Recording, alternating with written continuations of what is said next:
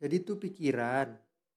Terus ketemu pikiran ditukar sama pikiran. Pokoknya pikiran ditukar pikiran.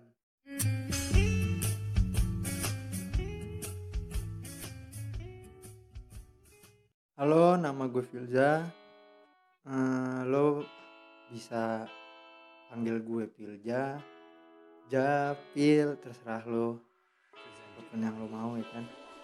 Nah di podcast ini gue bakal tukar pikiran sama lawan bicara gue.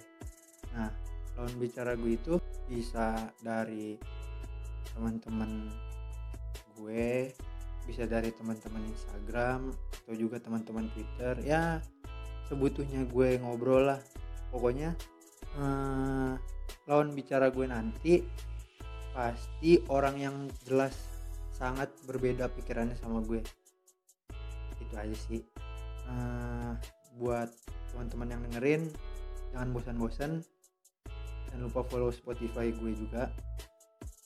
Thank you